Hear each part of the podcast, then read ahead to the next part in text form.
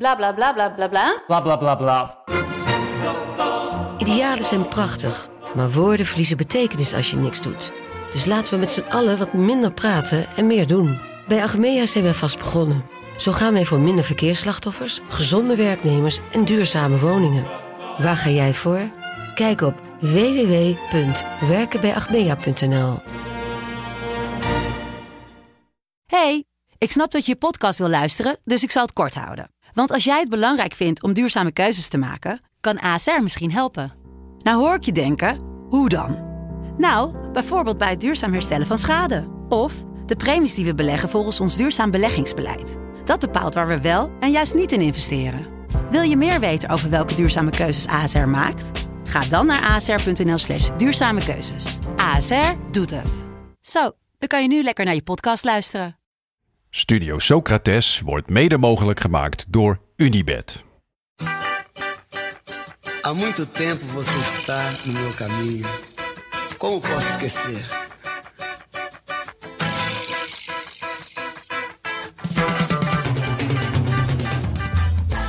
Welkom bij Studio Socrates, een podcast over alles wat voetbal mooi maakt. Elke week kijken we een memorabele wedstrijd in zijn geheel terug, want vaak hebben we wel een beeld van een team of een speler, maar klopt dat wel? Was dat ene team nou werkelijk zo speciaal? En hoe speelden ze echt? Wat kunnen we ervan leren? We gaan op onderzoek uit. Met deze week Real Madrid-Ajax van 22 november 1995. No seu modo de andar. En hier is Liedmanen en die scoort. En die goal wordt goedgekeurd. En zo staat Ajax dik verdiend hier in Madrid op 1-0 door Jari Liedmanen. En het is zijn vierde goal in de Champions League. En het is meer dan verdiend. En de 4000 meegereisde Ajax-fans vieren feest, net als de spelers, op het veld.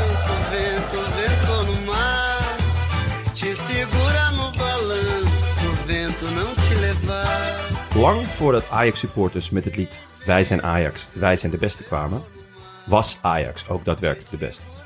Niet zomaar wereldtop, nee, echt de beste. Ik had het geluk dat dit toevalligerwijs in mijn voetbalvormende jaren was. Als tienjarig jongetje wist ik niet beter dan dat Ajax de beste was. Dat ze Champions League wonnen en wereldbekers mee naar huis namen vanuit het verre Japan. Achteraf bleek dit een gemengd genoegen. Want hoe hoger de moed, des te dieper is de val. En de val was diep. Met als dieptepunt de wedstrijd tegen Red Bull Salzburg. Waar, geheel ten onrechte, gezongen werd dat wij Ajax waren en dat wij de beste waren. Terwijl iedereen kon zien dat dit niet zo was. In 1995 klonken er heel andere geluiden vanaf de tribune. In het Santiago Bernabeu klonk eerst zij krijgen voetballes en na de les was er applaus. Van iedereen. Hoe de tijden kunnen veranderen. Ja, ja, zeker. Weet je wat, wat ik het ergste vond van eh, die Red Bull Salzburg wedstrijd die je aanhaalt? Ja. Was dat Roger Smit daar toen trainer was. Ja, achteraf gezien Ja. is dat echt een... eh, Hoezo is dat het ergste? Nou, ik vind het eh, eh, nog veel erger dat we, zo, dat we niet vernederd zijn door Red Bull Salzburg, maar door Roger Smit. En jij hebt gewoon niet zo'n hoge pet op van Schmid. Nee, en ik vind het ook eh, geen leuke man. Nee, Nee. een heel vervelende man. Wat dat betreft eh, was het, zijn het mooie eh, weken, want Thomas Tuchel is ontslagen. Ja, ook geen lijkt leuke man. ook Een geen heel vervelende man. man. Toch? Ik Ja. die Roger, Roger Smit lijkt me wel een sympathieke man. Ja? Ja, ik Ah, hoorde ook je- van mensen binnen PSV dat zo'n prettige iemand was, dacht ik. Ja, dat moeten ze wel zeggen, denk Hot ik. take. Ja, ja. Hot take. Was Schmid is wel leuk. Dan, moet je eigenlijk, dan moet je tegenwoordig nu zeggen, we hebben de titel van de podcast. Eh, goed, we hebben dus de hele wedstrijd Ajax, of Real Madrid Ajax uit het seizoen nadat Ajax de Champions League won, teruggekeken in zijn geheel. 95, 96. 95, 96. Ehm, staat te boek als misschien wel de beste wedstrijd van Ajax ooit, volgens mij. Ja. Applaus van de tribunes van Real. Ehm, en wij gaan, vragen ons af of dat echt zo is. Daarom hebben we hem helemaal gekeken. En aan het eind van deze aflevering stellen we onszelf de vragen: wie of wat viel het meest op? Welk beeld moeten we bijstellen? En als je één ding zou mogen meenemen naar het nu, wat zou dat dan zijn? Dat aan het eind van de, van de podcast. Ehm, maar eerst eventjes kort, wat maakte voetbal mooi dit weekend? Ja, ehm, inmiddels al meerdere weekenden. Dus we zijn een beetje late to the party, maar we moeten het er toch even over hebben. Over Kvicha Kvaratskhelia, de linksbuiten van Napoli. Spreek ik Je het een beetje goed uit of niet? Ik denk dat het Gwicha is. Ja, dat Eh, klonk zoals ik het zei wel. En Ja, Ja, lees maar. Guarachilia, denk ik. nou dat Maar- was weer wat anders dan Ja. wat ik zei. Maar de, dat is de Georgische linksbuiten van Napels. Hij heeft al Napoli. een voetbalnaam, toch?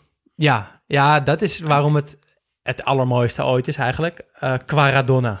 Maar is dat niet ook omdat die achternaam zo verschrikkelijk moeilijk is? Of is het omdat hij zo goed is? Nou, ik heb hem nu een paar keer eh, live aan het werk gezien en hij is wel echt goed. Want ik dacht ook een beetje toen ik dit zo hoorde de afgelopen weken, het zal wel een hype zijn. Quaradonna, eh, lachen allemaal. We hebben de nieuwe Maradona, komt uit Georgië. Maar hij is echt heel goed.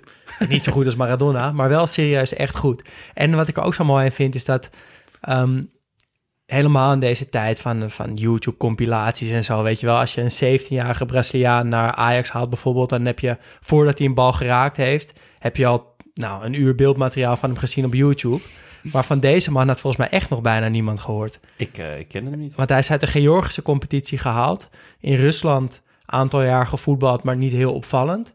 En toen was hij opeens in Napels en hij speelt de pannen van het dak. Hoe oud is hij? Ehm, hij is nog niet zo oud. Hij komt uit 2001, dacht ik. Oké. Ja. Ja, dus het is nog... 21. Ja, zoiets. Maar wel een paar jaar erop in de, in de Russische Ja, competitie. Maar hoe komt het dat zo iemand zo onder de radar blijft en opeens zo verschrikkelijk goed blijkt te zijn? Nou, ik denk dat de Georgische competitie eh, een beetje onderbelicht is. Die kijk Nee. je niet. Ik vind dit al eh, best een opgave om al die wedstrijden ik in schrik zich heel terug te kijken. Ja, hoe, niet, ik doe het met heel veel plezier. Ja, nee, hoe het kan weet ik niet. Maar het, het is wel een, eh, een reden waarom voetbal nog steeds de allermooiste sport ter wereld is. En ik heb ook heel veel zin om hem eh, in de tweeluik tegen Ajax aan het werk te zien. Ik betrek het dan ook altijd een beetje op mezelf en dan denk ik, zie je wel, je zou, het kan nog of zo. Als je in Georgië was geboren. Ja, nou ja, gewoon nu dat als je op het, gewoon bij eh, Swift Heren 3 speelt, dat je dan misschien toch ook nog kan opvallen. Die sprookjes bestaan dus nog. Ja, ja, ja, het kan nog. We gaan naar de wedstrijd. Houd dit vast. De wedstrijd die we gekeken hebben is dus Real Madrid-Ajax van 22 november 1995. Ja, en dat is dus volgens de overlevering eh, de beste wedstrijd die Ajax ooit gespeeld heeft. Of in ieder geval onder Louis van Gaal. Dat, dat wordt gezegd, dat lees je. En ehm, ja, ik ben wel benieuwd of dat echt zo is. En helemaal omdat het is eigenlijk een beetje gek. Want in 95 won Ajax de Champions League. Eh, dus je zou denken dat in die campagne... dat daar misschien de beste wedstrijd ooit tussen zou zitten. Maar blijkbaar was Ajax een jaar later nog beter. Ehm, En verloren ze de finale. van Juventus. Wat zat een eh, raar luchtje aan, hè? Met, met al dat drugs. Volgens mij staan die gasten nog steeds strak. Ja, Die hadden echt wat lekkers op. Maar goed, het is wel waar. Ik, ik, ken het, ik, ik kom uit Amsterdam en eh, uit een familie met, met, met eh, Ajax-liefhebbers. En ik weet dat ik als klein jongetje al verhalen hoorde over deze wedstrijd. Ja. En het schijnt dat mijn oom nog steeds een VHS-videoband heeft met die hele wedstrijd erop, omdat hij dat zo mooi vond. Dus we, hadden hem, eigenlijk op VHS dan ik moeten wou het terugkijken. zeggen. Maar ja, de beeldkwaliteit deed er wel aan denken, toch? Ja, dat is niet weten hoe je moet afspelen. Ja. Ehm, en is er dan nog iets specifieks waar, waar we dan extra zin hadden om te gaan zien? Poeh. Ja, heb je even? Ja, voor mij is dit, dit is echt... eh, Ik was tien. eh, en dit waren echt Champions League avonden met mijn vader. Voetbal kijken. Ik bedoel, dat was gewoon... Koud biertje erbij. Ja, voor mijn pa wel. Maar eh, nee, ja, dus... eh, we, we trainden wel tot op woensdagavond. Dus dan... eh, maar dat was, was vaak al om zes uur. Mocht je hem helemaal kijken? Want ik kan me herinneren dat ik vaak in de rust toch naar bed moest toen ik, Ik tien ook. was. Ik ook. Ik ook. Maar eh, mijn vader die keek toch... Of die kneep toch wel vaak een, een oogje toe.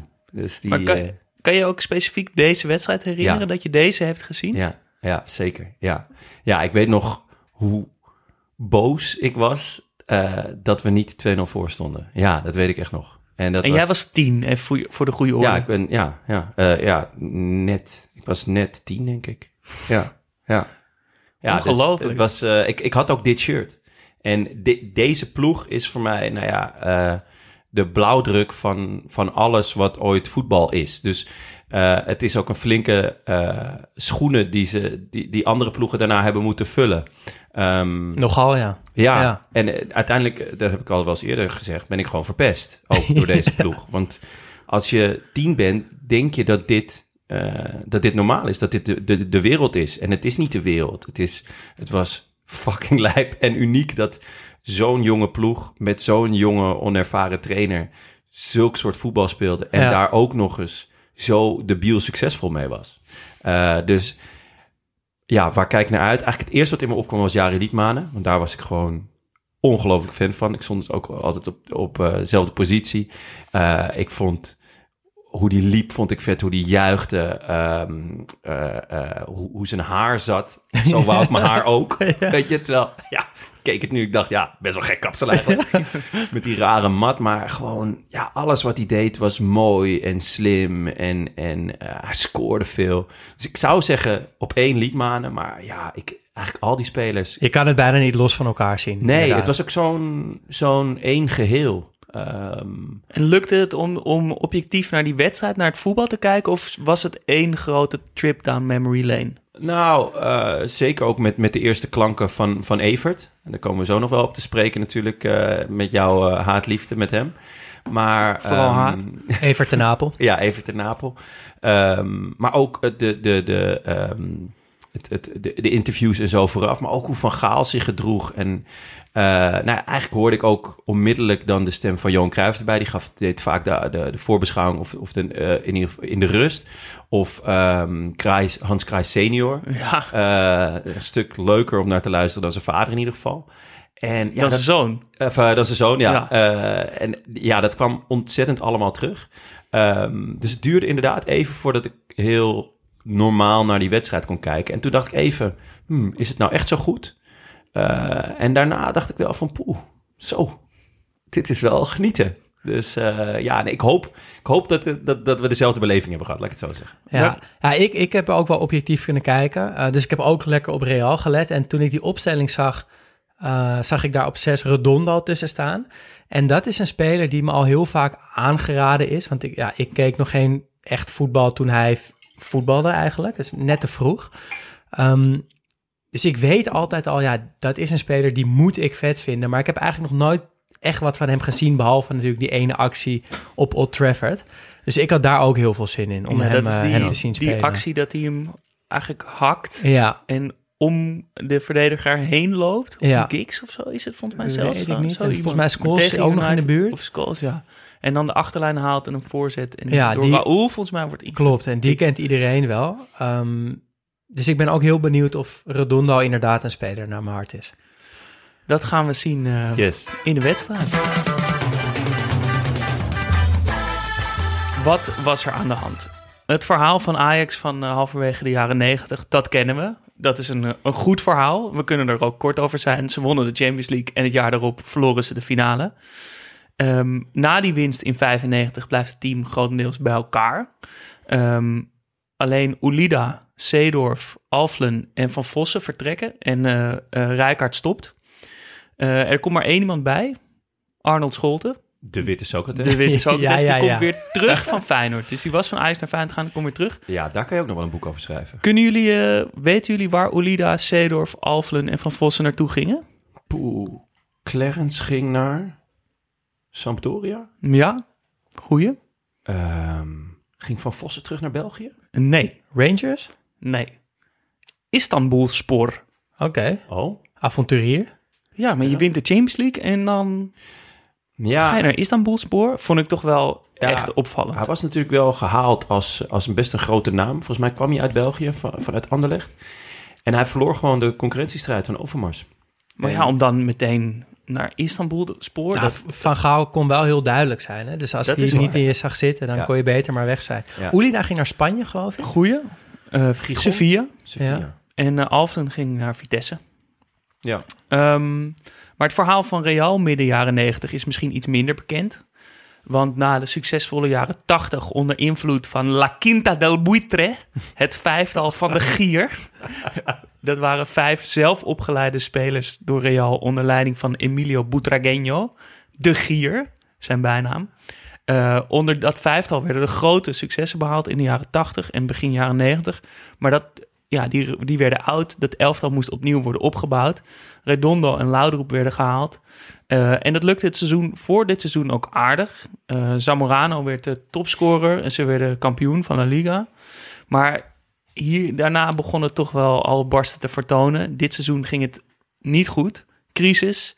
Valdano, de trainer, werd ontslagen in de winter. Het team eindigde nog best eh, na een inhaalrace toch nog zesde.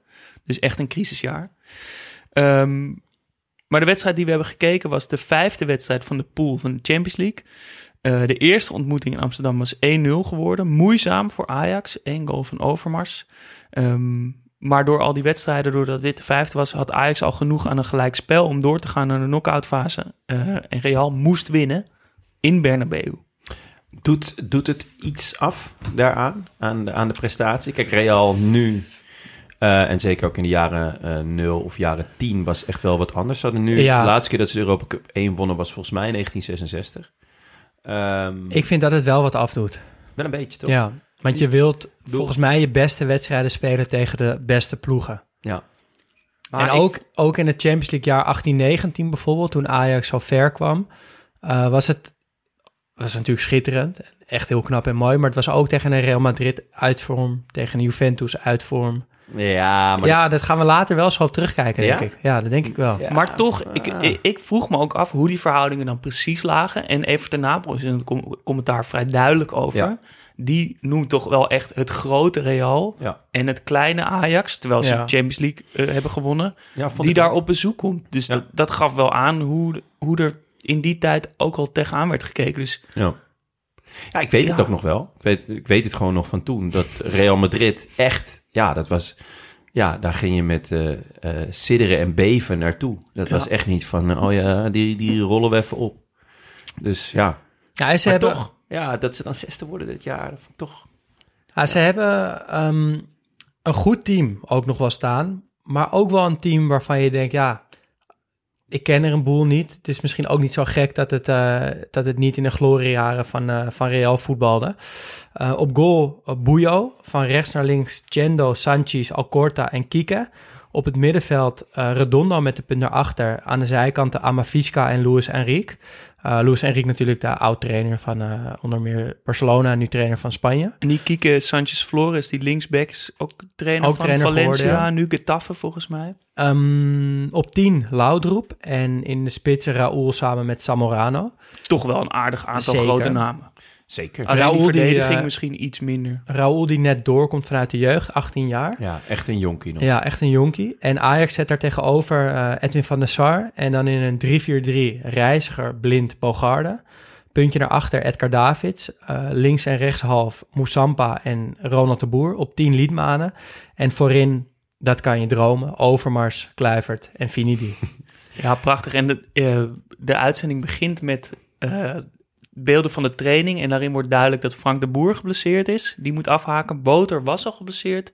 En, En de Witte Socrates. En Sch- Witte Socrates die haakt ook op het laatste moment af. Vandaar deze rare geïmproviseerde 3-4-3. Ja, en vandaar dus ook dat Moussampa moet debuteren. Want dit is zijn eerste wedstrijd. Ja, Voor in de basis, dan. Ja, en want- dan in een vol... eh, En Davids schuift eigenlijk een, eh, een linie schuin naar achter. Ja, Eh, die is overal. Ja, Kunnen we alvast die- verklappen. eh, Ja, die speelt dus eh, verdedigende middenvelder ook voor het eerst. Want eh, we weten nog van de special met David dat hij debuteerde als linksbuiten. Ehm, maar ja, hij zakte dus al vrij snel een linie terug naar de Linkshalf.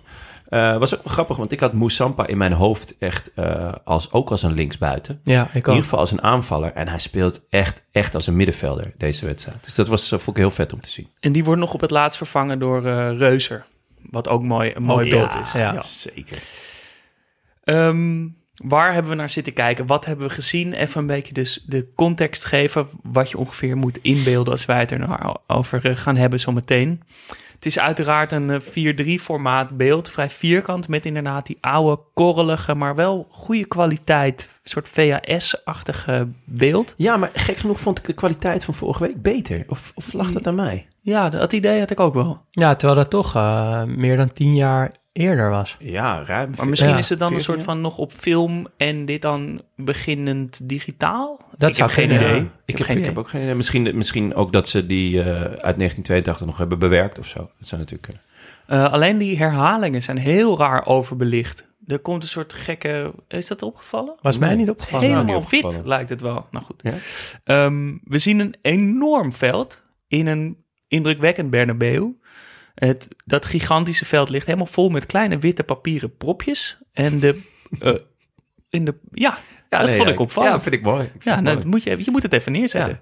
Eh, en de, die fans van Real blijven die propjes ook gooien. Het worden er steeds meer. En die fans zijn allemaal, vond ik opvallend, bijna allemaal in het paars gekleed. En niet in het wit wat je nu vaak ziet.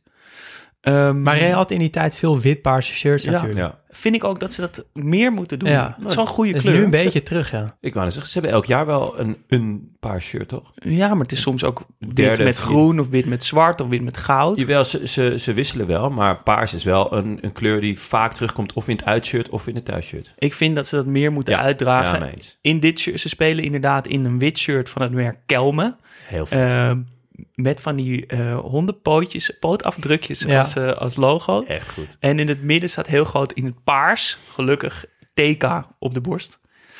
Alle kiksen zijn zwart, eh, met witte Nike of Adidas logo's. Alleen Ronald de Boer viel me op met groene Lotto logo's. En eh, Michael Reiziger voetbalt op Essex.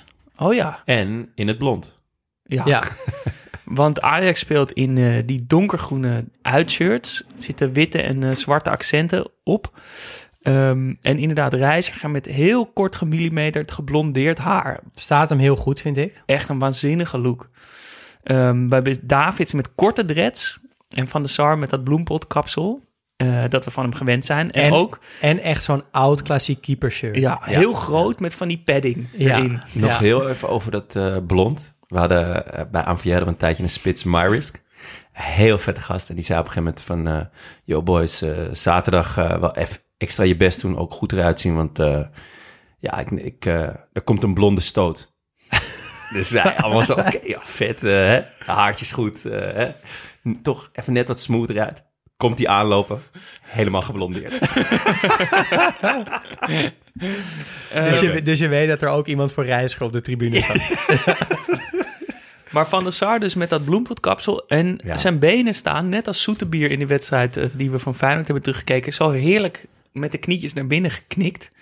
Ehm, en ik vroeg me, dat vond ik toch opvallend. Ik ken eigenlijk volgens mij geen spelers met X-benen, alleen dus die keepers. Ken eigenlijk alleen spelers met O-benen. Ja. Zou dat Van iets, Persie, zou dat iets zijn? Rivaldo? Nou, O-benen zijn in ieder geval veel stijlvoller. Dat Ja. vind ik er echt heel mooi uitzien. Ja. Eh, en X-benen, ja, bij een keeper vind ik dat dan nog wel meevallen, maar X-benen vind ik er heel lullig uitzien.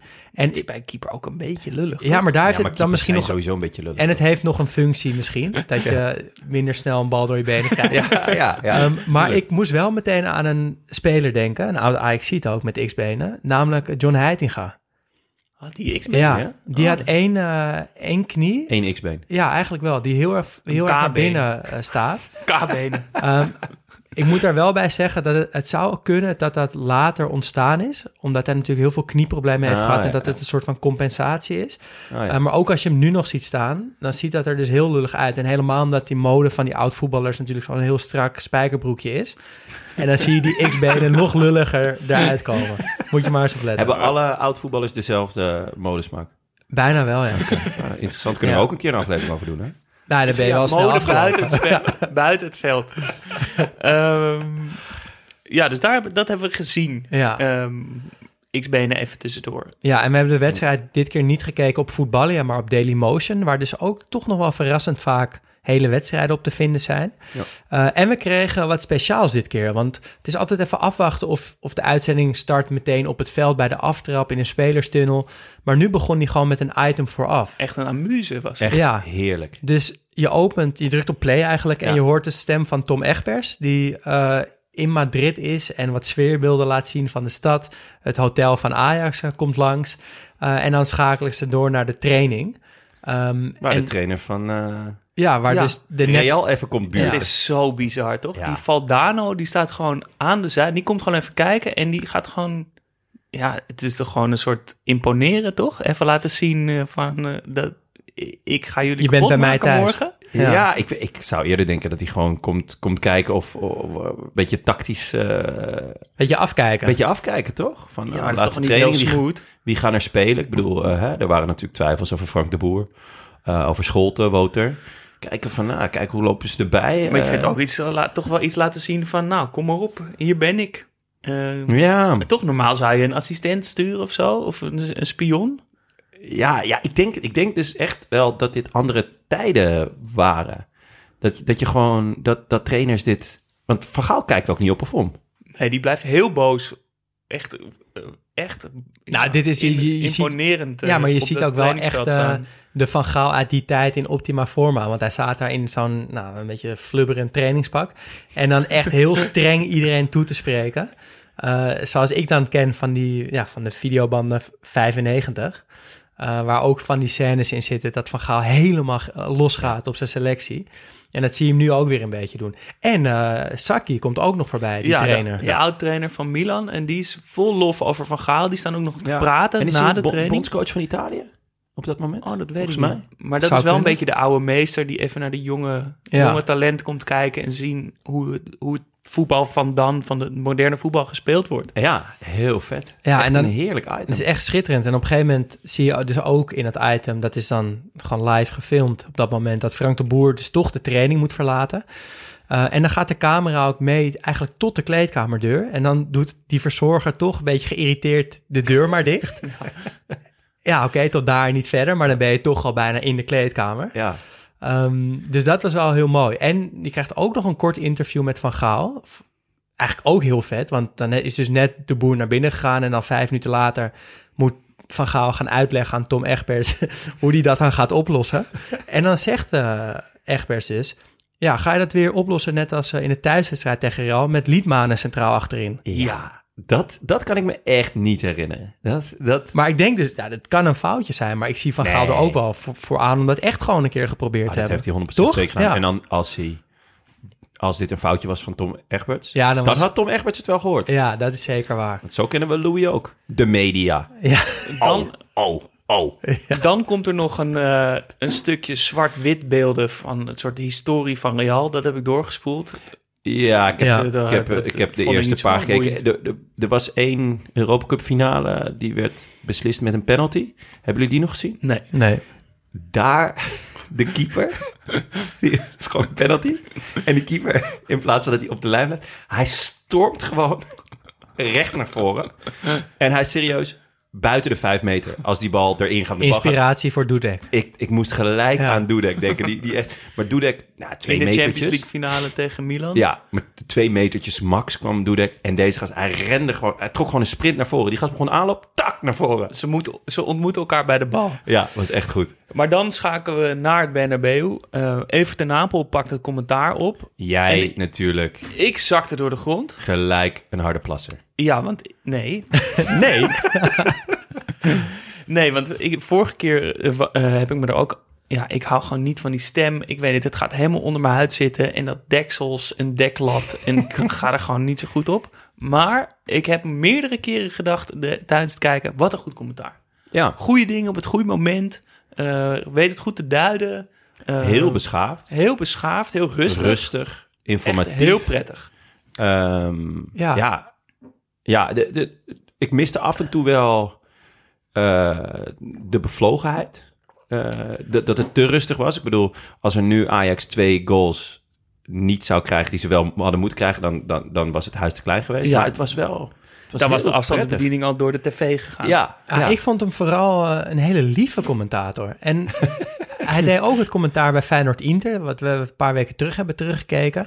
En toen zei hij op een gegeven moment dat hij het echt niet lief van het Feyenoord publiek vond dat ze Seedorf steeds uitfloten. onaardig. Onaardig, ja. Ja. En nu was het weer zo dat hij het zo oncollegiaal vond dat de Real-spelers Ajax kaarten aan probeerden te naaien. Ja. En dat zegt hij op zo'n oprechte, lieve manier. Dat ik, dat ik ja, echt wel hernieuwd eh, respect voor, eh voor Everton Ja. Heb, eh, heb gevonden. Ja, het- je, je voelt dat hij het meent. Ja. Het, het was niet gespeeld. Dan, begin, dan is de aftrap. En eigenlijk vanaf de eerste minuut neemt Ajax meteen het, de touwtjes in handen. Ja, maar wel ook echt in de eerste minuut meteen balverlies van Reiziger, Davids en Kluiver. Echt in de allereerste Ja. minuut. Dat ik denk, oké, nou, Even de spanning eraf. ja, wat, Even eh, wat Je moet die bal hier? even een paar keer voelen. ja, maar het is zeker waar dat Ajax goed eh, furieus begint en meteen een aantal mogelijkheden krijgt. Ehm, en wie voor mij meteen opvalt is Overmars. Ehm, omdat ik hem eigenlijk veel beter vond dan ik verwacht had. Ik had bij Overmars altijd het beeld van een hele rappe, ehm, beetje blinde buitenspeler. Maar dat beeld moet ik wel echt bijstellen, want ik vond hem heel goed. En ik vond zijn manier van dribbelen ook heel vet. Ik weet niet, dat was mij in ieder geval nog nooit eerder opgevallen, maar hij speelt linksbuiten. Eh en hij dribbelt met rechts.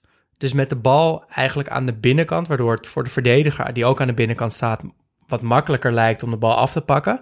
Dus hij dribbelt met, met rechts en gaat dan buitenom weer naar zijn linker eh, voor een voorzet.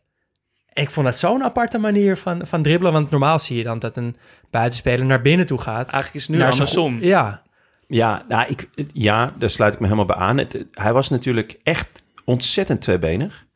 Eh, zo tweebenig dat, nou ja, vroeger wist ik echt van elke speler welke, welk Ja. been die was. Bij hem was het altijd de vraag, want hij neemt ook corners met links, vrije trappen met rechts. En hij gaat net zo mak naar binnen om te schieten als dat hij buiten omgaat en hem, en hem rustig terugtrekt. ja. Ehm, ja, ik. Ja, ehm, mijn zus was ook een heel groot fan. Want hij was natuurlijk gewoon ook eh, een soort tiener-idool. ja. Dus eh, ik vond het toen altijd een beetje moeilijk los, om hem los te zien daarvan. of zo. Van Want- de poster boven de bed van je zus. Ja, ja wel een beetje. Eh, maar hij was echt ontiegelijk goed. Ja, dat, dat zie je ook bij die 2-0. Ik En vond ik- hem ook echt heel goed. Ik heb alleen niet die pure snelheid gezien die ik wel eens in compilatiefilmpjes, en daar gaan we al, eh, Ja. wel heb gezien. Dat bijvoorbeeld bij Arsenal, dat hij er echt doorheen sprint. Een soort kleine Speedy Gonzales er doorheen eh, eh, gaat. Wat ik wel heel opvallend vond en mooi om te zien, is dat hij, omdat hij dus buitenom gaat, eh, moet hij een hele scherpe voorzet geven met links. Dus is eigenlijk een beetje bijna acht naar terug, zeg maar een grotere hoek dan 90 graden. En hij beweegt op zo'n manier dat hij hem dan met links voorzet en dan tijdens het schieten met zijn hoofd naar links knikt. Dus hij schiet de bal naar rechts eigenlijk en dan kijkt hij heel raar naar links tijdens het schieten. Ja, Hij heeft een, Ja. echt een hele atypische manier van, Ja. van Ja. alles eigenlijk. Ja. En dat, eh, dat vond ik eigenlijk wel vet. Maar ik moet wel zeggen, ik, moet, ik, ik, ik kan niet wennen, nog steeds niet als ik die oude wedstrijden terugkijk, dat van dit soort rappe, technische, behendige spelers op Copa Mundials voetballen. nee, dat is echt, dat is echt een verdedigersschoen. Toch? Ja, Ja, maar ja, dat, echt er was gewoon niet zo heel veel toen. Denk het ja. En ik vind, dat vind ik wel een goede ontwikkeling. Ja, Dat die waren- kicks een beetje ontwikkeld zijn op Ja. linie en bijna ook wel op positie. Want een spits hoort in mijn ogen toch ook weer net wat andere kicks te dragen dan een linksbuiten Ja. inmiddels. Ja, en, maar vooral geen Copa Mundials. Nee, maar de enige die dat nu nog doet is Bas Dost. ja, die dragen ze nog steeds. Serieus? Ja. Dat verbaast Nou, me dan ook weer dat niet. zegt zou ook dat, alles. ik zou dat echt verbieden als ik trainer was. ja, dat gaan we niet Oh, doen. maar Bas. ook als, ook als verdediger? Ehm, ja, eigenlijk, eigenlijk wel. Niemand mag het. Nee, kop- Tony Kroos? Nee, kop, nee, ook zeker niet. Kijk, Copa Mundials mag je aan als je Frans soort van heet. Nou ja, walking voetbal bij eh, ergens. eh, nee, of in een vriendenteam in het zesde van WVHDW of zo. Dan mag dat. Maar de, Maar de niet als Copa profvoetballer is gewoon hoe een kind een voetbalschoen tekent. Zwart met drie witte Adidas strepen. En een flap ook. Ja, het is best ook. een mooie schoen. En ook een iconische schoen. Alleen, Het is Wel. een heel gevoelloze schoen. ja, Hij is en heel van heel Weinig identiteit. Ja, en, en heel, heel weinig demping in de, in, in, de, eh, in de onderkant, zeg maar. Dus het is echt alsof je op een plank loopt. Ehm, ja, het is echt eh, voor houthakkers.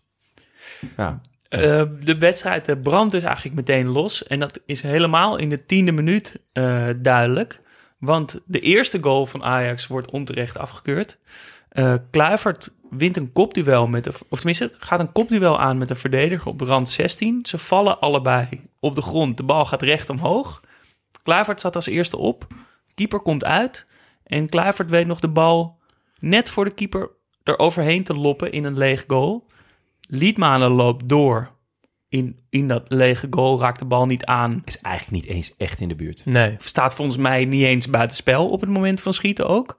En toch eh, wordt die goal afgekeurd. Ten Napel zegt nog dat het misschien een gevaarlijk spel is. Nee, ik Nee, vond het echt een belachelijke beslissing. Uiteindelijk eh, wordt ook na afloop gezegd van ja, eh, hij is afgekeurd wegens buitenspel. Ja, ja, dan moet het Liedmanen zijn geweest. Ja, absurd. Echt absurd. waanzin. Ook voor die tijd al hoor. Want Ja. eh, die, de regel dat de speler hem echt moet krijgen is, is natuurlijk, denk ik, tien jaar oud of zo nu.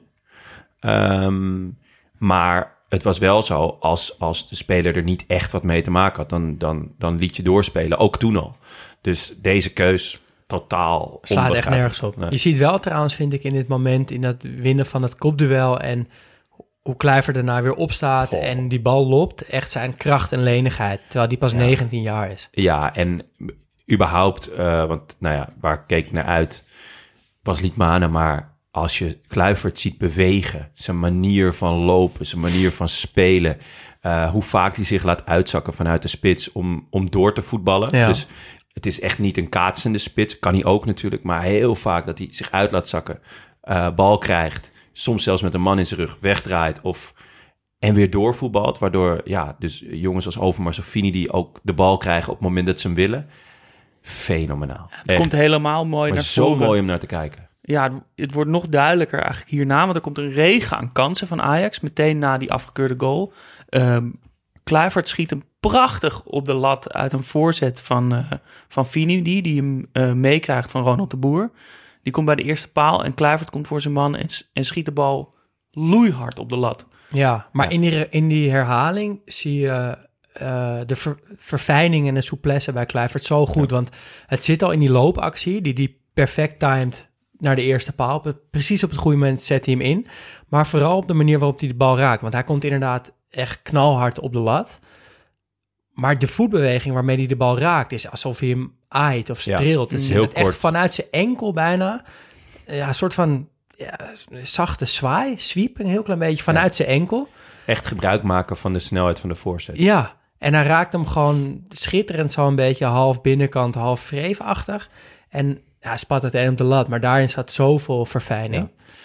Dan de tweede afgekeurde goal, onterecht afgekeurde goal van, eh, van Ajax. Er is een vrije trap van Liedmanen op, wat is het, 20, 25 Ja, meter ik denk van de wel goal. 25 meter. En Liedmanen schiet hem nou, met effect in de korte hoek in de, over de muur heen in de kruising. Stuitert onderkant lat.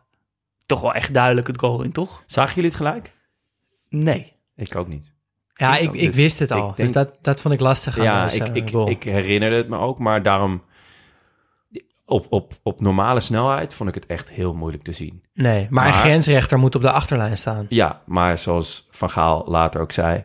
hij stond er niet met zijn dikke pens. Dat kunnen we even luisteren. Want eh, het is eh, gewoon een schande, vind ik. Nou, laten we eens gaan kijken wat we hebben aan, eh, aan momenten. Vooral die eerste goal. Die goal van Kluivert, de afgekeurde. Daar komt hij aan. Dat is de aanval, Louis. Dan valt de bal ertussen en dan komt Kluivert. Kijk, Ja. En dan loopt de Liedmanen erachteraan en dan vla- v- vlagt hij waarschijnlijk, die man met een dikke pens, die vlagt voor eh Liedmaan. Maar dat kan allemaal. Ja, dikke pens Ja, van de grens. daar, zie je, daar zag je al eh, een jonge, jonge dichter in, Louis van Gaal. Later zou hij dat natuurlijk vol, vol- volmaken. Ehm, ja, maar de- we- ja, geen... Die, bal die stuitert achter de lijn. Je zou denken dat je er alles aan doet om, om te zorgen dat, die- dat die grens er nog even naar gaat kijken of zo. Ik weet het niet. maar iedereen haalt zijn schouders op. Ja, ik vond Ook het- bij die eerste afgekeurde goal doet iedereen van... nou, er is- dan gaan we nog een keer scoren of zo. Er is eh, gewoon überhaupt veel minder gemekker op de Ja. scheids. En op, Ja. eigenlijk ook op de tegenstander en op, op elkaar. En ik ben wel benieuwd wanneer dat dan zo duidelijk in het voetbal is gekomen. Want in die oude wedstrijden is het echt een stuk minder. Feyenoord-Inter was echt een schoppartij van je welste, maar ook heel weinig ophef de hele tijd. Ja, en vooral daardoor heel veel meer voetbal. Ja, Gewoon veel meer minuten voetbal. Dat je gewoon echt niet de hele tijd naar mensen ligt te kijken die op de grond liggen. eh, achterballen die uren eh, erover doen voordat ze genomen wordt. Ja, het is echt een, eh, een, een verademing. het is echt een verademing, ja. Ehm, daarna, dus de Ajax heeft, begint goed. Meteen die afgekeurde goals, eh, veel kansen. En halverwege de eerste helft is er een korte periode dat Real ietsjes beter wordt, iets meer aan de Ja. bal. Ja, Ajax zakt wat weg. een beetje er, eh, aan de hand van, eh, ja, toch wel van Redondo. Jezus, Tja. wat mooi hè? Ja, ja. En wat ik in het begin zei, dat dus echt een beetje een blinde vlek voor mij.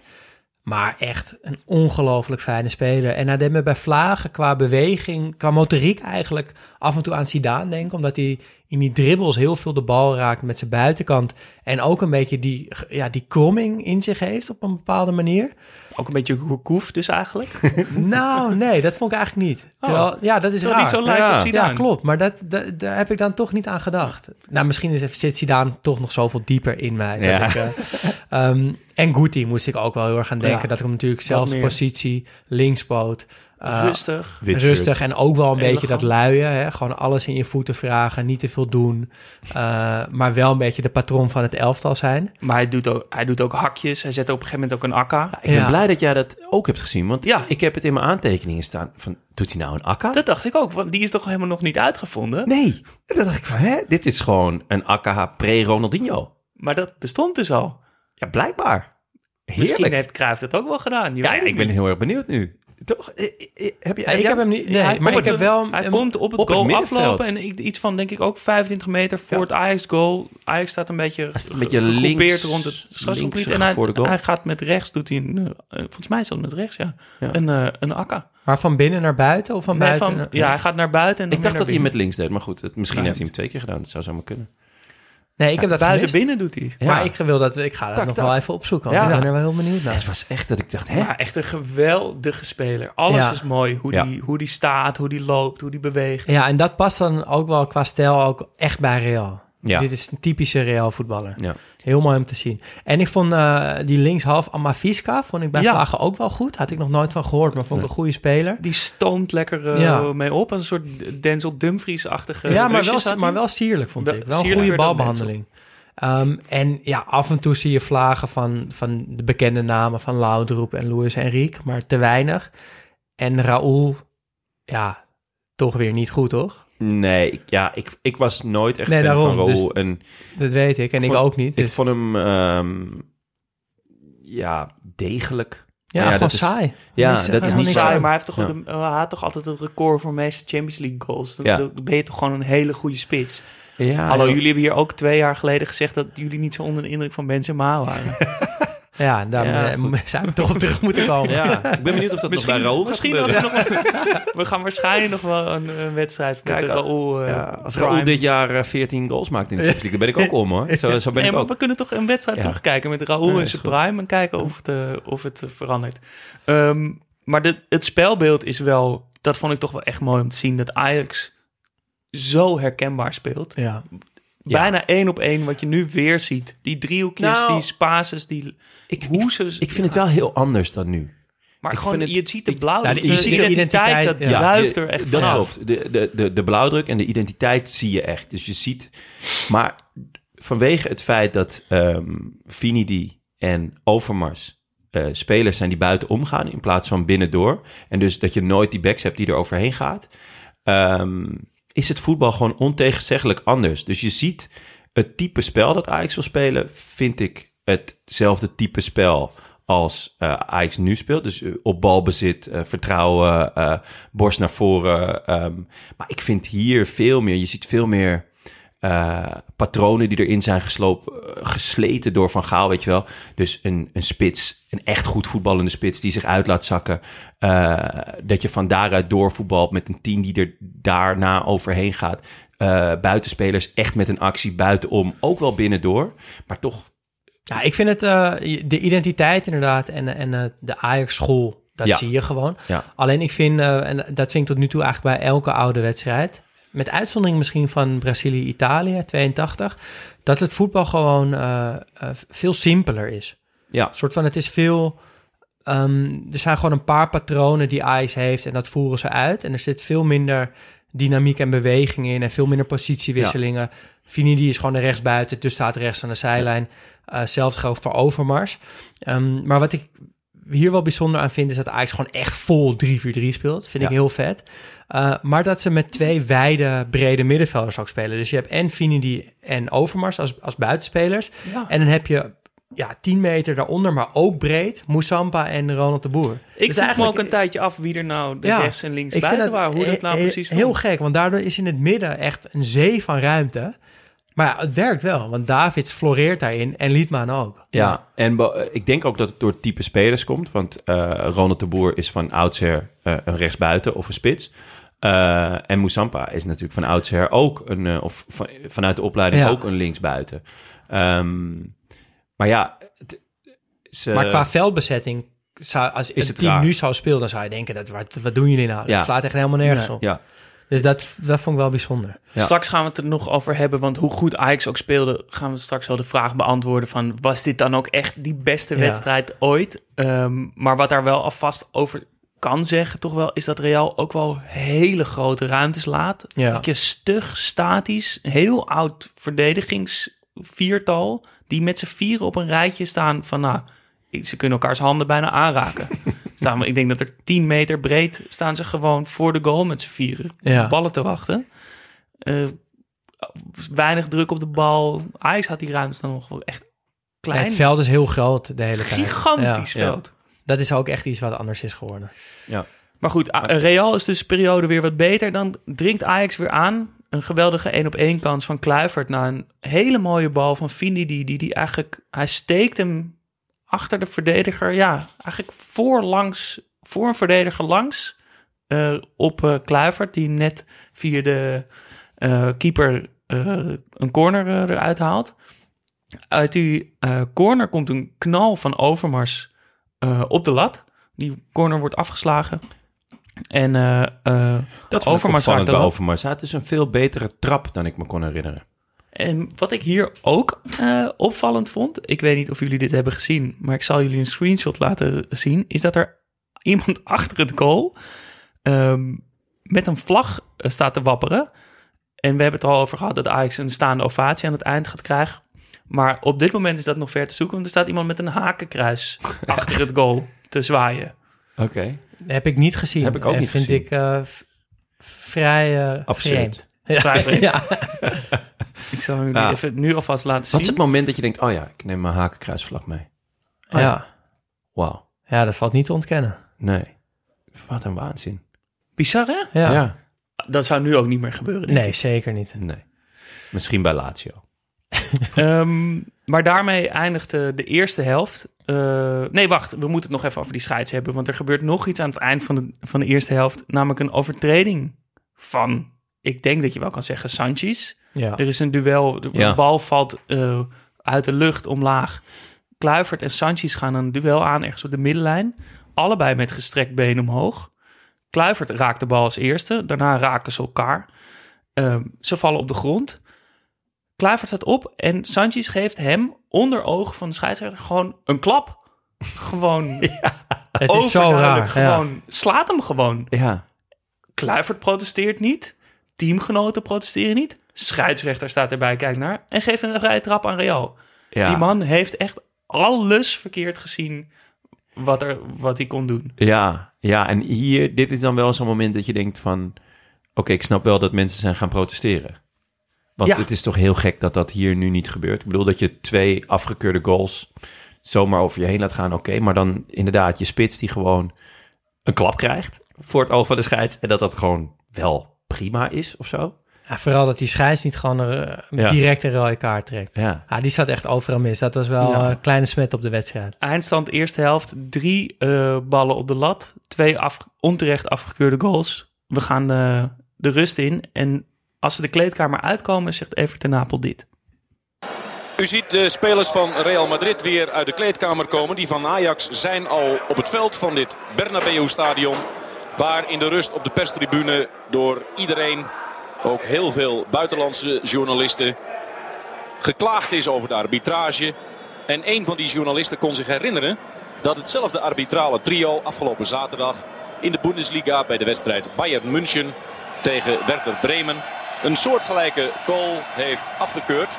Diezelfde grensrechter Engler die toen niet oplette bij een goal van Klinsman en vanavond dus dezelfde fout begaat. Nou, ik irriteer me eigenlijk nu meteen weer toch aan ten Napel. is toch lekker informatief? Maar met die ha- hakkelende zinnen waarin hij steeds halverwege even rust neemt. Ja, ik kan er echt heel slecht tegen in die stem. Ik neem alles terug wat ik alle complimenten terug. Ehm, maar ja, dus ook wel opvallend. Het was niet zijn eerste keer. Het was niet zijn eerste keer. Ehm, maar de tweede helft begint. Ehm, Ja. Scheids, scheids en grens gaan verder waar ze gebleven waren. Ja, meteen weer een onterecht afgekeurde. Nou, die bal gaat er niet in, want ze fluiten al. Maar Kluivert wordt één op één op die, met de keeper weer teruggefloten. En dan zie je dat Real steeds meer gaat treiteren. Die, denken, die gaan gewoon rekken, Ja, die voelen ook dat ze de scheids mee hebben. Ja, ja, Ja. dat Ja. voelen ze wel, ja. En dat ze zijn weggespeeld. Dat, ze Dat voelen het- ze ook. Dat ze het anders moeten doen dan, dan wat ze hebben geprobeerd. Want in het, met het voetbal van Ajax komen ze niet mee. Ze komen gewoon tekort. Eh ze zitten niet, dekken niet kort genoeg. Het, het tempo is te hoog.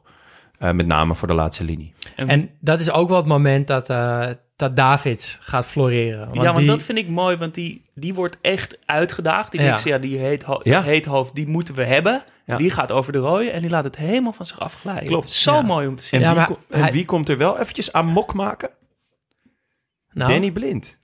ja, de Die kwam, aanvoerder. de aanvoerder, die kwam eh, even op ja. voor zijn voor zijn jonge, jonge teamgenoot. Dat was mooi, ja. Ja, ik ik herinner vet. me nu, nu Ja. zegt. Ja, dat was vet. Maar Davids, die, hij laat zich niet kennen, maar hij, hij, hij houdt zijn benen ook geen één keer in. Hij gaat er wel echt volle bak in steeds. Ja. En hij wint ook bijna elk duel. En soms is het een soort van zo- zo- zo'n bal die ertussen valt en dan valt hij er nog een keer tussen en dan gaat hij er weer in en weer in. En op een gegeven moment heeft hij dan de bal. En dan neemt hij weer pre- Ja, perfect en, eh, mee. En ja, dan en op dat hij zich lege middenveld En- kan hij doorstomen. Gooit er nog een tiptop uit op een gegeven moment. Ehm, was echt goed. En na afloop is Kees Jansma, eh, die ik trouwens een beetje irritant vond, want die wilde heel erg zo zijn eigen mening in dat gesprek met Van Gaal. Heel lange mengen. vragen. Ja, die zei ja, dat hij David zo goed vond. En toen zei Van Gaal, nou, David was de eerste helft helemaal niet goed. Toen deed hij namelijk tactisch niet wat ik van hem vroeg. maar de tweede helft was hij fantastisch. En Maar dat viel ja, als kijker ook wel op. Wat was die goed zeg. Ja. Waar we het inderdaad in de special over Davids over hebben gehad. Dat hij en dat verdedigende pit heeft. En daarna zo mooi zich eruit voetbalt. Mee Ja. opkomt. En dat hij dus eh, het beste is, denk ik, toch ergens in een dienende rol. Dus Ja, dat hij die tuurlijk. bal daarna kwijt kan aan Liedmanen of aan Kluivert. Of aan Finidi. Of Daar aan wil ik het zo meteen ja. even over hebben. En dan komt eindelijk dan de 0-1. Ergens, wat is het, de 67ste van- minuut pas. Eh, Davids komt inderdaad door op het middenveld. Paas naar rechts op Finidi.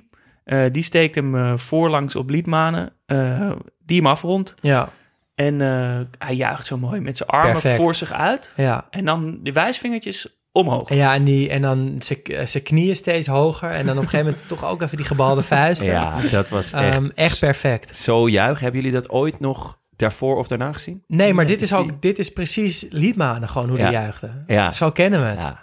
Maar even jongens, die aanval. Kluivert biedt zich aan uit de spits. Houdt de bal vast. Eventjes wachten, even wachten. Op het moment dat, dat het kan, eh, geeft hij mee aan Davids die opkomt. Die loopt op, speelt een man uit is in de as. Geeft hem mee aan Finidi. Eh, die dribbelt naar binnen en steekt hem zo mooi. Dit, deze aanval is gewoon, het is bijna pure kunst. Gewoon, je weet gewoon dat Van Gaal hier zoveel uur op heeft getraind, gehamerd. En ze, ze, het vette vind ik ook, eigenlijk dat vind ik de hele wedstrijd, dat ze eigenlijk al allemaal elke keer wel de bal willen. Ja. Dus er is niemand die zich verstopt. Er is niemand die... ehm even ten Napel zegt op een gegeven moment ook over Bogarde... van daar wordt ten onrechte over gezegd dat hij niet zo goed kan voetballen. Eh, Was die- goed, Ja, Bogarde. ja, zeker. Die, ge- die neemt ook risico in zijn passing. Die geeft ook goede lange ballen. Ehm, maar Ook een paar keer mis. En Jawel, wordt, zeker. even, wordt het me even uitgelegd door David. Die Ja. pakt die, Ja, die twee koppen mooi. grotere Bogarde even, Ja, even bij zijn hoofd. vet. Het soort van, hé, hey, kom op hè. Maar eh, even over dan Finidi. Ik bedoel, ik, ik weet, ik was, ik was fan vroeger gewoon om, omdat het Finidi George was. Maar ik heb echt genoten. Zo, zo gracieus als het eruit zag. Be- best wel rechtop, lang ook. Ehm rechtspoot op rechts, dat is natuurlijk heel ja, ouderwets inmiddels. Maar het vette was, hij ging dus best wel vaak naar binnen. Bij deze goal ook. Bij deze goal ook. En dan zag je dat hij dus wachtte op, op eigenlijk op deze loopacties Ja. van of Kluivert of Liedmanen of dat Overmars wat ging doen. Want hij heeft niet per se een schot in zijn linker. Hij heeft ook niet per se een voorzet of zo. Maar heel vaak dat hij dan heel rustig een beetje naar binnen ging dribbelen. Wachten, wachten, wachten. En nu deze, deze paas, die is toch echt van zeldzame Ja. schoonheid. Met buitenkant, Buitenkant re- buitenkant rechts, een soort chipje eigenlijk Ja. eh, door drie man heen eigenlijk. En Liedmanen die dus deze loopactie maakt, die die altijd maakt. En het vet is aan Vini, die, hij weet dus dat deze loopactie gaat komen. Ja, En mooi dat, dat Liedman hem niet tegendraads inschiet, maar eigenlijk in de richting van de bal Ja, meeschiet veegt langs hem. de- la- Hij veegt links hem langs mee. de keeper. Nou, door de benen zelfs. Oh, hij gaat langs de been, door, door de de benen. benen, ja. Ja, en wat ik mooi vind aan die loopactie van Liedman is dat hij de hele tijd zit te schakelen tussen in de voet diep, in de voet diep. En op een gegeven moment versnelt hij iets. En dat is volgens mij voor Fini die het teken van oké, dit wordt diep. Ja, En dan weet die ook, ik kan hem gaan geven. ja. En dan geeft hij die bal nog ogenschijnlijk in een soort van niemandsland. Maar dan opeens is Liedmanen daar en staat het eh, 0-1. ja. Ehm, Ook niet in de buurt van buitenspel. nee, bij lange Ook gewoon niet eens op Nee. het randje. Ja, ik Zelfs vond, die grens kon Ja, niet kon anders nee. dan zijn vlag naar beneden ja, ik halen. vond deze aanval echt De mooiste van de? Ja, ja, ja, ja, zeker, ja. En dan van Liedman Hoewel de 2-0 in, ook schitterend in, het, in het bijzonder, want dat is toch een beetje zo'n... Ja. De Ajaxide der Ajaxide of zo. Of Mhm. veel mensen toch wel de favoriet. Een gezicht van dit elftal. Ja, nou, ik vond hem echt heel goed. Ehm, en ik ging een beetje bedenken waarom. En ik kwam op de vergelijking dat ik vind dat hij voetbalt als een wiskundige.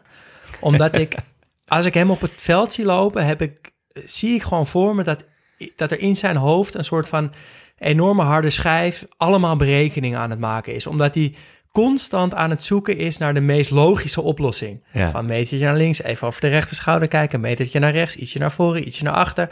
Waardoor als hij de bal krijgt, dat hij eigenlijk ook steeds het meest logische doet. En dat is heel mooi, omdat je ziet als kijker dat het steeds eigenlijk wel de beste oplossing is. Eh, ergens vind ik het ook een heel klein beetje saai. Ja, ik vond het tenminste dan niet saai, maar ik, ik snap wat je zegt over dat logische, maar ik had ook vaak het idee, ik vond het vaak niet zo logisch zo. Het, het ziet, ik, denk, ik dacht ook af en toe van, waarom draai je dan nu weer de drukte in? Maar dan kwam, ik had het idee dat hij zich vaak ook een beetje moeilijk maakt of zo. Dat het, eh, dat, eh, maar dan komt hij er wel uit. Maar ik vond het niet, niet soort van helemaal Ah, ik, ik zit het, het veel spel meer in, aan zijn in voeten lag. Ik vond Ik- hem ook af en toe een beetje zo... ik zit veel meer in team daar, maar het, het, het, het is niet. ehm, Het ging wel met kracht of zo. Het gaat niet heel makkelijk. Ik heb het idee dat hij ook af en toe een beetje zo houterig, hakkerig... Het gaat een beetje, het gaat hoekig inderdaad. hoekig, maar wel sierlijk. Ik vond het wel wel sierlijk, mooi om maar- te zien. Ik, had, En- ik heb wel het idee dat hij kapot is na de wedstrijd. Dat hij Ja, er ook aan, aan het sleuren is de Nee, klopt, maar tijd. dat- En dat, dat- dat, Klopt, hij was ook niet ehm, de spelverdeler op 10. Eh, dus, dus wat dat betreft, eh, het was niet een klassieke 10. Eigenlijk, de spelverdeler was in dit team misschien deze wedstrijd iets minder, maar was eigenlijk Ronald de Boer.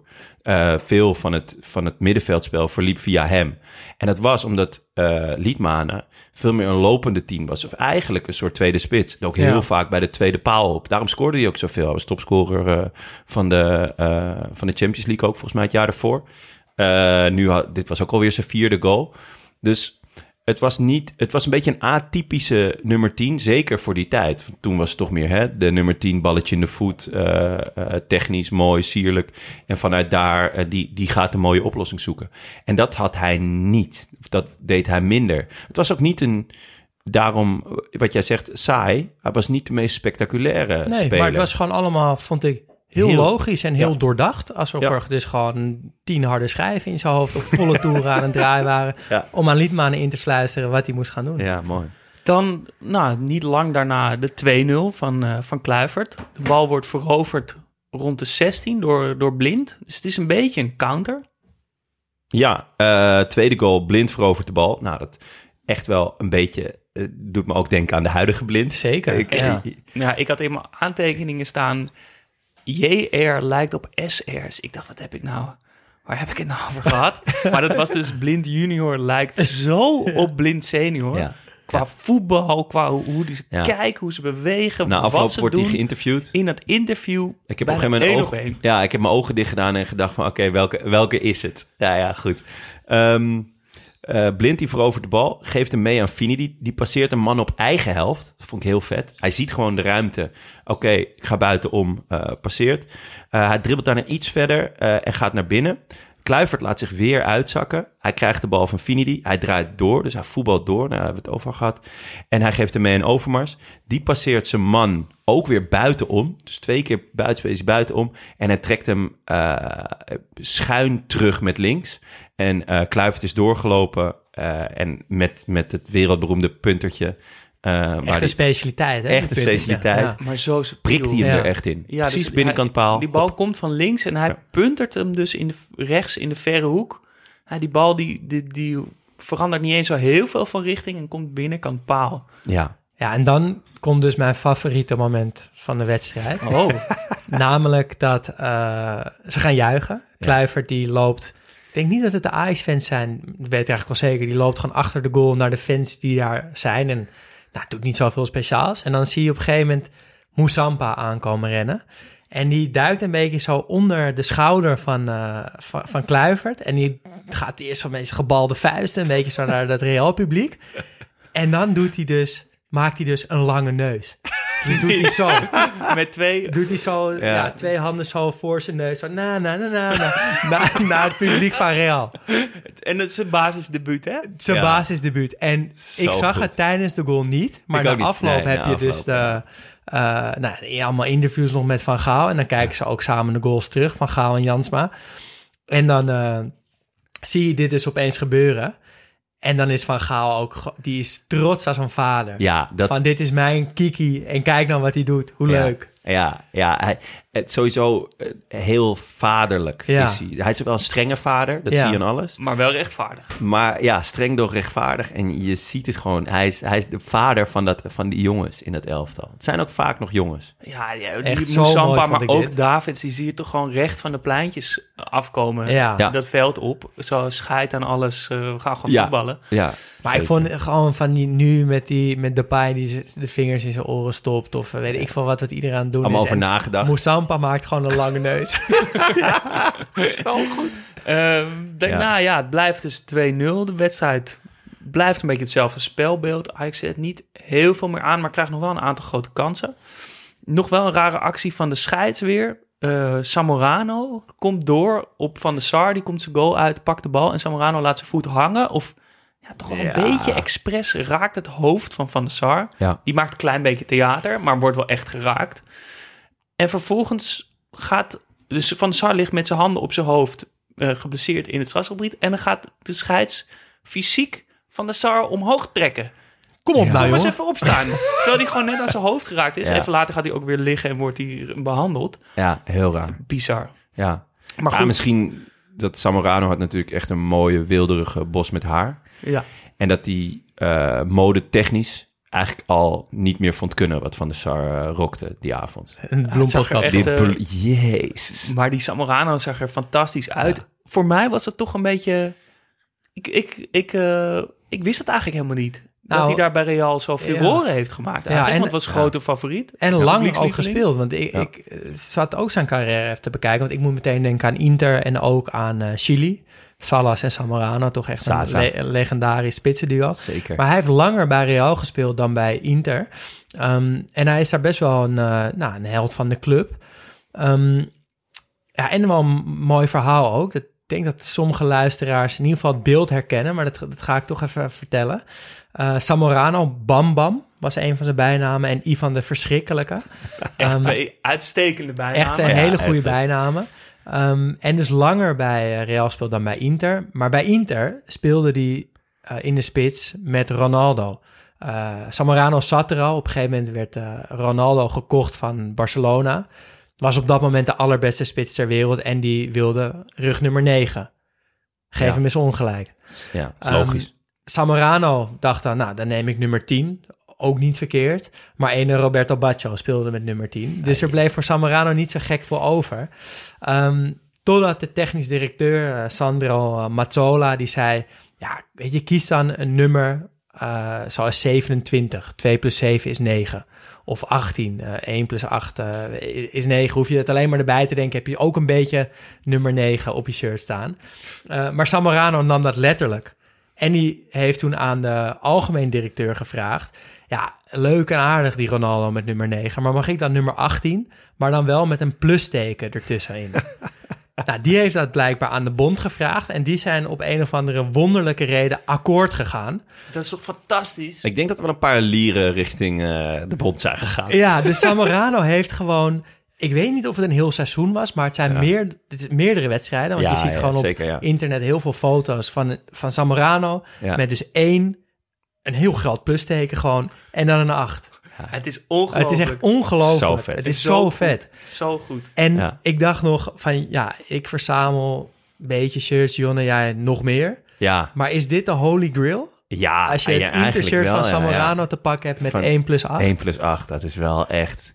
Ja, dat is wel... eh, Ja, dat Toch? is de holy grail. Ja, dat denk die ik ook wel. Ex-Warn. ja, Ja.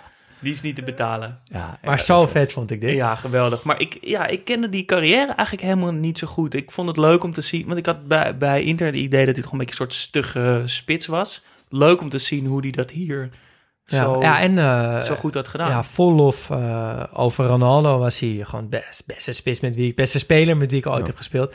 En eh, blijkbaar was het ook een spits die de andere spits met wie die dan speelde ook beter liet voetballen. Dus spitsen waren altijd heel blij als ze met Samorano een duo Ja. konden vormen.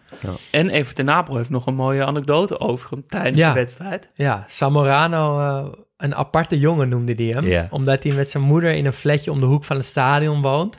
Geen pracht, geen praal, een echte volksjongen, zei Evert. Ja, geweldig. Mooi. Eh, dan is het bijna eh, klaar. Moussampa wordt dan gewisseld voor, voor Reuser. Leuk om die nog even te zien. Ja. Eh, maar dan is het fluitsignaal. En dan, ja, niet tijdens de wedstrijd, maar echt bij de ereronde van Ajax over het veld... wordt er echt een staande ovatie gegeven. De hakenkruisvlaggen worden opgeborgen. Ja, die zijn En het applaus eh, komt naar beneden. Kan je nagaan dat je zo goed kan voetballen... dat iemand zijn hakenkruisvlag opbergt en gaat staan applaudisseren. Ja, Ehm, ik, vond, ik vond wel ehm, eh, die, die, die shirts van Ajax, die witte... Wit. Dus, de, het zijn Die ondershirt. Ja, het zijn Die gewoon onders- witte t-shirts, ja. t-shirts volgens mij. Met dezelfde vet. opdruk, gewoon het ABN en Ja. het logo en eh eh Sowieso- Umbro op dezelfde Ja. plekken als op het shirt. Sowieso heel vet dat ABN dat dat verticaal staat. Ja, hè? dat blijft heb je fantastisch. eigenlijk nooit meer, die, die nooit witte meer gezien. t-shirts zijn echt Ja, super heel mooi. vet. Over Holy Grail gesproken. Dat is Ja. ook wel echt een, echt een heel vet om te hebben. En dan het applaus. Ja, en het schitterend. applaus. Eh, opvallend ook, Ajax vliegt diezelfde avond terug naar Amsterdam. En de volgende dag naar Japan om eh, de, de wereldbeker eh, te gaan winnen. Oh, echt? Ja, Dat is de dag daarna. Ja, dat tegen Gremio. Ja. Bizar. heel vet. Maar dan komt eigenlijk de grote vraag van deze aflevering. Ehm, ja, Ten Napels zegt het tijdens de wedstrijd een aantal keer... Real krijgt voetballes. Ajax declasseert hier Real als nooit tevoren. Masterclass van Ajax. Real wordt verschrikkelijk vernederd. Was dat zo? Was dit echt zo goed van Ajax? In Ja. de tijd misschien wel. Maar ik denk, ik vind het toch moeilijk om het los te zien van, de, van wat je nu wekelijks ziet. Want ik vind de kwaliteit en de soort van de moeilijkheidsgraad van het voetbal wat nu gespeeld wordt, ligt volgens mij zoveel hoger. Dat ik bijna denk dat als het huidige Ajax tegen dit Ajax speelt, dat ze misschien wel eh, echt gewoon wel makkelijk gaan winnen, omdat het voetbal zoveel beter is geworden. Dat Ja. idee heb ik een beetje. Ja, zeker als je... Nou ja, een andere heel bekende wedstrijd natuurlijk tegen Real is die 1-4. Ja, Dat was wel een, een, een, een hoger niveau. En een dat gevoel heb ik een wel. ja. grotere vernedering. Maar dat doet me dus wel pijn eigenlijk. Maar ook Ja, eh, voor mij lag maar- het vooral in een soort beleving. Er wordt zo weinig. Ze gaan niet uit hun dak. Ze, worden, ze zijn niet super blij. Ze gaan niet. Het is niet een soort Nou, dat vond strijd, na, passie. na afloop zijn ze wel heel blij. hoor. Ja, Ja, maar het is echt. niet die euforie of een soort van. Nou, ik, daardoor, dat- maar dat ik vond ik gedurende de wedstrijd. Ja, maar na afloop vond ik niet- dat wel. Ja, oké, ik misschien vond zoals Davids rondliep Ja. van, eh, en, en, en van wow, wat hebben we hier gedaan? En dan als ze dat applaus zou krijgen, dan zie je ze ook denken van wow, oké, we hebben echt iets bijzonders gedaan. Ik vond alleen, het voetbal was gewoon echt anders. Ja. Ik vond, maar ik vond wel hoe dominant Ajax was in eh Bernabeu. eh, hè, toch bij Real, de, de grootste club ter wereld. Dat, dat gevoel had ik wel. Ze waren wel echt heer en meester tegen een club die ook een instituut was. Dat hoorde je ook wel aan het commentaar. Eh, en Real had echt niks in te brengen. Dus, Hmm. dus inderdaad, in de, in de tijdgeest eh, klo- klopte het wel. Alleen ja, het, het was wel... Het was, ja, het was minder dan, dan, eh, dan wat we nu de afgelopen jaren hebben gezien. Ja, nou, ik Denk miste denk ik toch gedurende de wedstrijd ook van Real een soort bevlogenheid. Of een soort dat je er Meer tegenstand eigenlijk. Ja, gewoon, dat. ja. En de- zo dat je er, als je echt zo'n wedstrijd boven jezelf uitstijgt, dan denk je toch dat je met, met passie en, en gewoon voor elke bal en let's go. We gaan dit gewoon. Ja. Maar ik vond het toch ook gewoon, nou ja, misschien is het inderdaad ook de manier van voetballen, maar vrij statisch.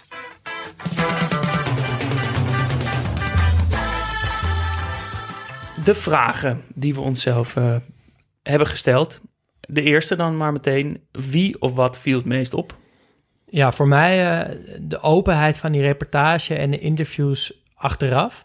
Ik vind, eh, ja, dat mis ik ook wel echt eigenlijk. Het is nu allemaal zo dichtgekaderd en Ja. zo eh, vast omlijnd hoe die reportages en die Ja. interviews eruit zien. En nu was het gewoon na afloop, schrijft Ronald de Boer net gedoucht aan bij Van Gaal In midden in een interview. Weet je wel, dat, gewoon zelfs Wesley Sneijder op de schoot van Jack van Gelder, weet je wel. Dat soort Ja. momenten mis ik toch wel een beetje. Ja, ja. Eh, ik vond eh Finidi, Finidi George, ik vond het zo mooi om te zien. Zo gracieus. Eh, en dat paasje, ja, heerlijk. Ik zou zeggen Davids. Toch wel met kop en schouders de beste man van het veld. Tweede helft, hè, volgens eh, Van Gaal. Ja, eerst zelf, eerst zelf zag je ook, hè, tactisch deed hij niet goed. Vraag 2. Welk beeld moeten we bijstellen? Ja, ik moet bijstellen dat, eh, dat Overmars eh, toch eigenlijk wel een hele goede speler is. Ik zal bijstellen dat Redondo meer is dan die ene actie bij de achterlijn. Maar positief bedoel je dat? Positief, ja, want wat Ja. een speler. Ja. Eh, ik moet bijstellen dat Real altijd een sterrenteam is geweest. Het is ook gewoon, ze hebben ook mindere jaren. Toch zand in de ogen gestrooid door de Galacticos. Ja, ja, zeker. Dat is echt wel een, eh, een groot... Ja. Ja. daarmee hebben ze toch wel een soort van sfeer eh, bepaald. Nou, hiervoor natuurlijk het vijftal van de gier. Quinta del Buitre. Vraag 3. Als je één ding mee zou mogen nemen naar het nu, wat zou het dan zijn? Ja, honderdduizend procent het juichen van Kiki Moussampa. en daarbij horend ook wel de reactie van Van Gaal. Die natuurlijk ook had kunnen zeggen... ja, dat moet hij niet doen, is niet verstandig. Maar die er gewoon volledig achter ging staan. Ja. Eh, ik ga voor de graphics van de Champions League. Oh ja. Daar heb ik echt wel van genoten. Ja. Het, is, het is ook pure nostalgie, want je kan ook zeggen het is een beetje achterhaald of oudbollig. Maar ik vond het nog steeds iets chics hebben. Ik vond de, de, het lettertype mooi. Ik Ja, vond het die, chic. ja, ik vond die sterren die bij elkaar komen. In de, ja, in die- Ja. dat colosseum op de achtergrond. En het Ja. verandert allemaal wel, maar toch ook weer niet. En dat komt Ja. volgens mij natuurlijk heel erg door die hymne... die gewoon altijd hetzelfde Ja, die blijft. hymne. Ja, ja, tuurlijk. Ja. Ik zou zeggen dat ik graag zou willen meenemen de hoge, zuivere speeltijd. Oh ja, een hele goeie. Dat is toch wel echt lekker voetbal kijken. Dat Ja. zou eh, Marco van Basten heel blij maken. Volgende week eh, kijken we weer een wedstrijd, namelijk Frankrijk-Brazilië van het WK 2006. Zidane. Zidane. Ja. Ehm, Zou die het einde halen? de Matrix. Ja. Ehm, Ja, en en nog, dan- eh, Ja, we hebben natuurlijk onze, onze eh, correspondent België... die eh, eh, toch eh, een kleine reactie wilde geven op de aflevering van vorige week. Komt-ie. Ha mannen, paling hier. Er moet me iets van het hart. Vorige week hadden jullie het over het WK 1982, Brazilië-Italië. Een leuke aflevering. En jullie doen een toegift over enkele bijzondere wedstrijden. Maar jullie vergeten compleet de openingswedstrijd België-Argentinië. Een memorabele wedstrijd. Al kan ik me er iets bij voorstellen dat in Nederland misschien iets minder memorabel was dan in België. Maar toch, het was een bijzondere wedstrijd. Het was de eerste keer in vijf of zes toernooien dat er nog eens gescoord werd in een openingswedstrijd. En het was ook de eerste keer dat underdog de regerend wereldkampioen wist te verslaan. Later hebben een aantal Afrikaanse landen ons voorbeeld gekopieerd. Maar we waren wel degelijk de underdog. De kleine rode duivels, we waren er al niet meer bij geweest sinds 1970 tegen het grote Argentinië met Kempes en met het nieuwe godekind Maradona. En we speelden een goede wedstrijd, we winnen met 1-0 een cross van Verkouteren op Van den Berg, die veel tijd krijgt en goed afwerkt. En ik, heb, ik was twee op dat ogenblik, dus ik heb de beelden nooit live gezien, maar ik heb die goal al zeker honderden keer achteraf gekeken. En ik herinner me die ook omwille van het legendarische commentaar van Rick de Saler.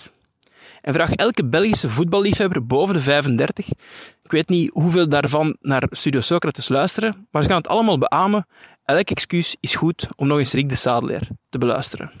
Hier is hem, daar is hem, Rick de Sadelaar. Daar is hem, daar is hem! Daar is hem, daar is hem! Goal! Goal, goal, goal! Dat was dan op zijn Argentijns. Ah, maar de Argentijn naast mij doet mee. Wel, daar hadden we dan. Daar zien we. En Filiol blijft veel te lang wachten. Gaat nu nog eens terug. En dan kan hij trappen. En daarmee is hij wereldberoemd. Dankjewel, Paling. Ja, heerlijk. Heerlijk commentaar. Dit hè? soort dingen hebben wij nodig. Wij arrogante Nederlanders moeten af en toe iets meer op de geschiedenis van de Zuiderburen ge- Zeker, gewezen eh, worden. maar daarom hebben we Paling toch ook, onze, onze vaste correspondent. Jongens, dankjewel. Rest ons te zeggen, geef ons 5 sterren op Spotify, Podimo, Apple waar je dan ook luistert. Dat helpt enorm. En word vriend van de show vanaf 2,50 euro per maand. En Ja, het kan er maar één ding zijn. Help ons aan het Intershirt. Samorano 1 plus 8. Studio Socrates wordt mede mogelijk gemaakt door Dag en Nacht Media. Wil je meepraten? Dat kan. Laat een bericht achter op vriendvandeshow.nl slash Studio Socrates of via Instagram studio-socrates. Mailen kan trouwens ook. Ons e-mailadres is studiosocratespodcast.gmail.com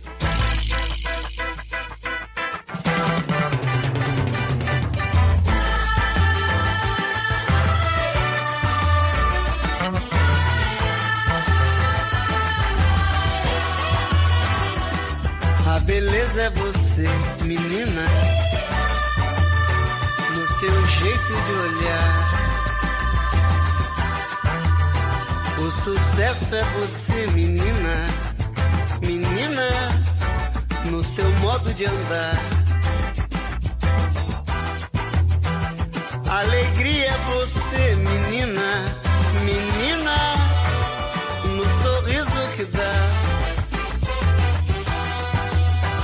Vendaval por amor, menina, menina, todos querem te amar. Ei, vento,